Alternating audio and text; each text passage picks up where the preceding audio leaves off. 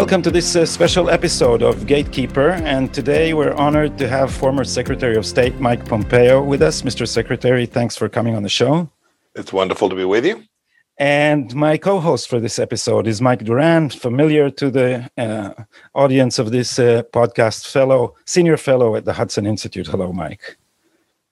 Hi, Gadi. Hello, Mr. Secretary. Good to be with you, my, my esteemed Hudson colleague. Uh, Mr. Secretary, I thought we should we could start with with our region where people are now very anxious about the future U.S. policy. But first, uh, looking back, U.S. policy in the Middle East under your tenure as Secretary of State had undeniable uh, success. How how would you characterize what you did differently compared to previous administrations?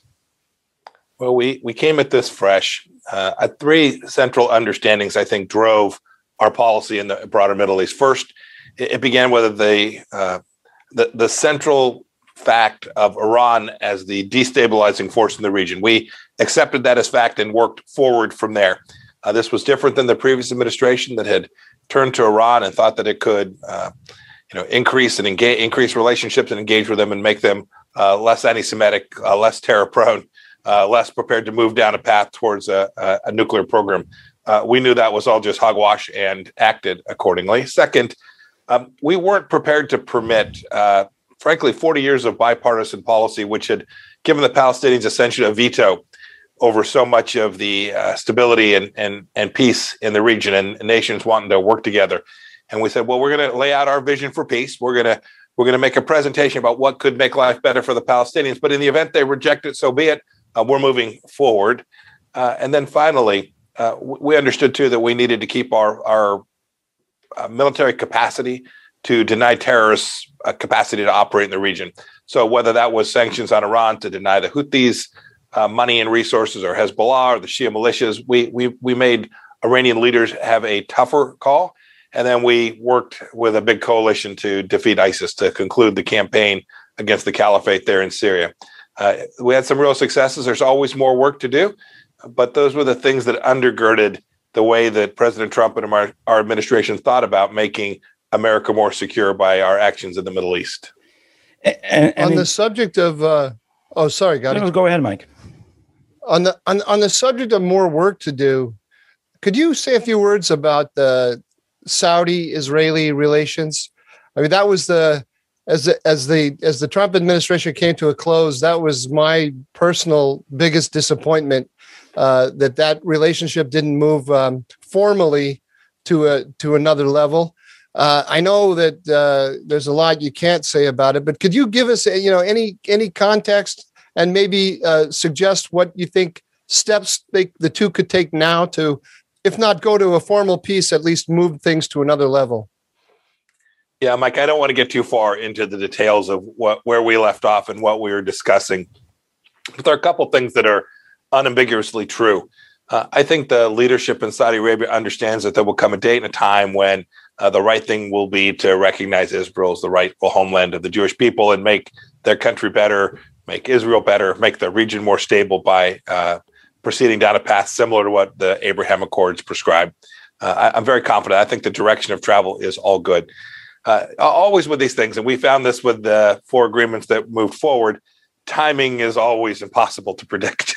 and while I too wish that we would have gotten six or eight or 10 instead of four, I, think the foundations of what we did have demonstrated it's the right thing. And then I, I think even what you see going on today, right? Businessmen traveling back and forth between Bahrain and the Emirates and Israel, uh, dip, dip, diplomatic relationships, embassies opening. Kosovo opened their embassy in Jerusalem this week. This is this is great stuff, and this was uh, all uh, because leaders made good decisions and they knew the United States was going to be supportive of, of those decisions. Uh, you can't have one without the other. Uh, but together, I think they they pretend well, and I think the Kingdom of Saudi Arabia will find its path forward as well. Is there a danger that that these these achievements will now be uh, undone or frayed by by the the new attitude or the old attitude that the Biden administration seems to be harboring towards Iran? Gadi, you know, I've I've been around long enough to know that saying never is something one should avoid at all at all costs. But it does seem unimaginable to me. Uh, while I'll concede this administration is going to take a very different approach to the region than we did, I think people in the region have come to expect that this is a one way ratchet and that these relationships will only expand and increase. I think I think people will see their lives are better, and when their lives are better, they're going to say, "Goodness gracious, why would we go back to being hostile towards Israel?" Why, you know, the the, the lexicon, right? The idea of the Arab-Israeli conflict, you just don't hear about it much anymore. I, I always remarked, you know, we don't hear much uh, about you know OPEC and the Arab-Israeli conflict ideas from the 70s and the 80s and 90s. And while each of them still exists, there's still conflict, and OPEC is still out there and caused a hiccup there for a moment uh, in the oil markets. The, the world has just changed so much, whether it's American energy independence and our capacity to ship LNG all around the world, or the, the work that's been done by the Israelis to uh, improve their security relationships with these Gulf states. These are things that are unambiguous goods. good for these countries, the people of those countries, good for the United States. It seems hard to imagine that any of those countries would retrench from things that are working for their citizens. You know, uh, the thing that, um, well, I, I, I think that the greatest thing that you guys did was um, developed a new model for a kind of continued serious American um, engagement in the region, particularly in the question of security, while while minimizing the use of of uh, um, of U.S. ground forces. Uh, you know, and it was a, a very serious containment of Iran. Uh, I thought the operation uh, uh, to kill Qasem Soleimani, I know that was very popular in Israel, was very popular in my home. Uh, and uh, I, I, think uh, there's no uh, uh, there's no previous administration. I know this from working in the Bush administration. Uh, we wouldn't have contemplated it. I wonder if you could. Um, I think you probably had a you know a, a, a, special responsibility in that. Um, um, in the development of that architecture, because you went from the CIA to the State Department, and I wonder if you could um, just give us a sense of the thinking were you guys consciously saying to yourselves we need to square the circle between the need to be deeply engaged and the on the one hand and the demand of the american electorate on the other that we not have large numbers of troops or did this thing just kind of unfold as uh, you know on its own w- as you were under those pressures? You know mike that's a, that's a really great question. Uh, the truth is we we we fought uh, uh, over this issue every day. We thought hard about this for a long time. The president had made a commitment in his campaign, right? And the endless wars was the shorthand for it. Um, but this was a deep commitment that says we want to think about this differently. We do want to put uh, fewer of our young men and women in harm's way. And yet we've got this responsibility, this thing that matters to the American people, on our security. How do you accomplish those? Afghanistan was the same thing. Mike, the mission, the mission was very clear from the president. Mike, I want our troops reduced in Afghanistan, and I don't want any terror coming from there do them both. And so we we were very we were very conscious of of these these dueling competing objectives, and we needed to get each of them across the line. You know, when it comes to the strike on Qasem Soleimani, uh, look, I, would known about this guy since uh, I was in Congress. I, I knew that he personally was responsible for the death of friends of mine. I also knew that he continued to be a unique leader. We sometimes you know think that if we take down a, a terror leader that uh, will accomplish a bunch of they just replace him with someone else. This was a fellow who was unique. This was sui generis. This there, was there's no replacement for what Qasem Soleimani delivered. He was he was uh, of special importance. And i think when we ultimately built built out the set of understandings and the operational capability to do this and then could see could see that he was to that day to the very day plotting to continue to care, kill Americans that uh, we were able to present this to the president. He made a very bold decision to go conduct that operation. I think the world took notice. I think the world took notice about how the Trump administration would respond when threatened. I think the world took notice that uh, we had a team that could execute on behalf of America. I tip my hat to the individuals that were involved in that operation. It was incredibly well executed. And I think, to your point, I think Israelis were happy. I think Arab countries were happy. I think the Iranian people were very happy as well. Uh, this was this was the right outcome. I, I remember a hearing where we were being criticized for this by uh, folks in the opposing party. I still scratch my head about how anyone could think that the world is worse off as a result of the actions that we took that day and also the, the timing was was amazing because i remember it, it being the time when iran was getting cocky it was i, I think they attacked a, a, a, fuel tanker i think they were getting more and more confident in this middle eastern kind of uh, we have been around 3000 years and have been cheating diplomats for for that long so it was but but now um, I'm not sure we can count on such bold actions. And, you know, Israel has said emphatically that it would not allow uh, a nuclear Iran. Um, does that mean we might be on a collision course with uh, an American administration now? Gadi, I hope not. Um, not only can Israel not tolerate an Iran with a nuclear weapon, the world can't. Certainly, the United States couldn't. We made very clear. I, I, I can I can't tell you how many times President Trump made it abundantly clear. We, we were doing that for two reasons. One, it was the right policy. Second, we wanted the Iranian regime to understand that it just wasn't going to happen. It wasn't going to happen on our watch. And we were serious about that. Um, the, the tools to prevent that are many and legion. We used our economic tools, our maximum pressure campaign. We used our diplomatic tools to try to build out as big a coalition between Arab states and Israelis to push back against Iran as we could but we were prepared to use everything that the United States had. And the president made this clear to make sure they never had a nuclear weapon. Imagine, Gadi, just for a second, imagine an Iran on the cusp of a nuclear weapon or nuclear weapons program, let alone actually having one. Their capacity to extort, their capacity to, to uh, use their, uh, you know, uh, either emerging capability or actual capability against the region uh, they, they, make clear their intention. It is an imperialist revolutionary regime with theocratic, uh, theocratic revolutionary mindset, and it's made clear they want to wipe Israel from the face of the earth. We should accept that proposition that they are intent upon that. They repeat it often. Uh, that that means that the United States has a, uh, a, responsibility to be sure that we're doing everything we can, and deterrence matters the Iranians understand appeasement and they understand strength and they know the difference between the two. And so I hope this administration won't head down a path which signals to the Iranians that their continued efforts uh, won't meet an American opposition and an American set of costs being imposed upon them.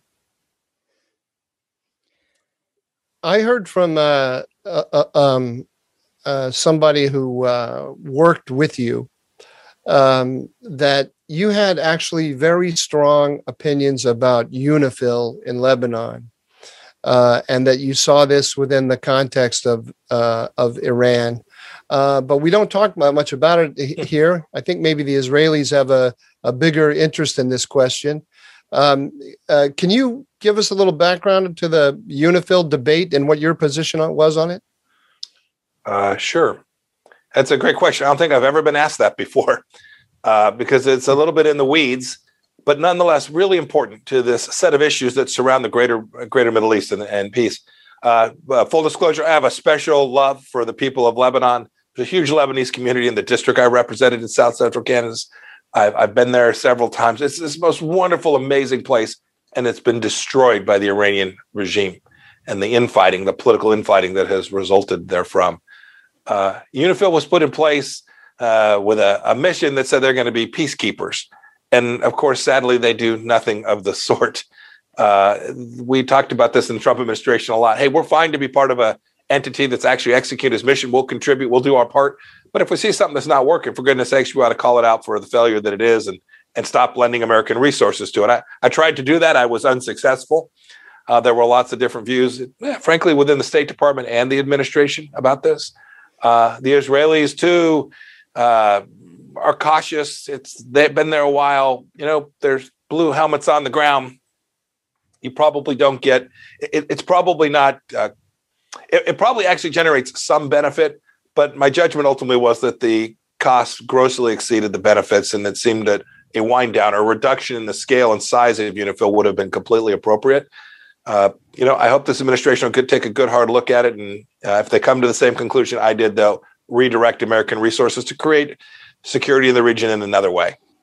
Uh, Mr. Secretary, one last question. We understand you're you're out of time. Uh, your signature policy, um, I, I, I, think, has to do with China, um, uh, and and and turning around the uh, for the the uh, trends of uh, attempt at hegemony. Um, where do you see the future of U.S.-Chinese um, relations heading in the broadest sense? You know, I'll try and connect these conversations too. We often talk about the Middle East and then go to China. I, just as a side note, we should be mindful that the Chinese intentions in the Middle East are real and growing. And so uh, I spoke with my Israeli friends, I spoke with my uh, Gulf state friends about the threat that China posed to, to, their nations as well. Their efforts to infiltrate and to colonialize are real and everywhere, and that certainly includes uh, the Middle East. Uh, more broadly for the United States, the Chinese Communist Party represents the, frankly, the single greatest existential threat. It's complicated by the fact that we have enormous economic interests. Uh, we are de- our economies are deeply intertwined. But I always remind people that they are a heck of a lot more dependent on the United States and China than the American people are on them. And that gives us leverage, capacity, power, the chance to influence Chinese Communist Party behavior. And we ought to use that. It won't be costless. You saw this, right? When the president put tariffs in place, there's a real impact in the United States. I think that's why for 40 years plus, no president had prepared to actually impose costs on China for their malign activity. Uh, but I think the world can see this now. I, am proud of the work we did. Uh, I I remember my first trip to Europe to talk about Huawei. I left the room and not a single person gave me so much as a golf clap. It was it was completely silent, uh, and uh, and I, I, couldn't decide whether to be embarrassed or proud, somewhere between maybe. Uh, but the truth of the matter is, we, we we shared with them these risks. We were just talking about facts, the things that I think everyone has now come to accept uh, about what China is up to, and for that we deserve an awful lot of credit, in my judgment. Uh, but put aside the credit, what we have done is we've now laid a foundation for this administration to build upon that says we can no longer look the other way and turn the other cheek and think that when the Chinese say win win, it surely must be so. Indeed, when they say win win, it is almost certainly win for them and lose for us. And while there are so many things we could talk about, that global larger picture is something I believe the world is now aware of, concerned about, and collective action to respond to the Chinese Communist Party's threat, I think, is something that every administration will have to deal with they just might be trying to eat your lunch. Mr. Secretary, thank you so much for your you, time and for coming on the show. Thank you. Thank you, Mike. So long. Thank you. Thank Thanks, you. Mike.